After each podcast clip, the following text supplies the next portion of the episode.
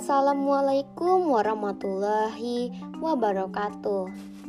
Nama saya Rizka Aurelia Fitri, kelas 6A, nomor absen 23. Kali ini saya ingin menjelaskan kandungan surah Al-Maidah ayat 2 dan ayat 3. Al-Maidah adalah salah satu surah yang tergolong ke dalam surah Madaniyah. Al-Maidah terdiri dari 120 ayat. Adapun kandungan surah Al-Maidah ayat kedua, yaitu yang pertama, larangan berperang pada bulan tertentu. Yang kedua, larangan menyiksa binatang. Yang ketiga, perintah tolong menolong dalam kebaikan. Contohnya seperti menjenguk teman yang sakit, membantu teman yang dalam kesusahan, dan lain-lain.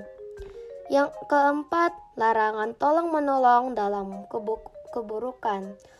Contohnya seperti mencontek saat ujian, membantu tempat mencuri, dan lain-lain.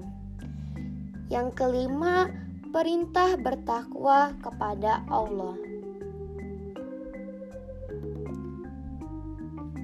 Adapun kandungan ayat 3 surah Al-Maidah yaitu yang pertama larangan memakan bangkai, darah, daging babi, dan daging hewan yang disembeli atas nama selain Allah.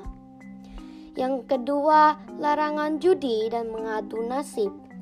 Yang ketiga, dalil boleh makan makanan yang haram apabila dalam keadaan yang terpaksa.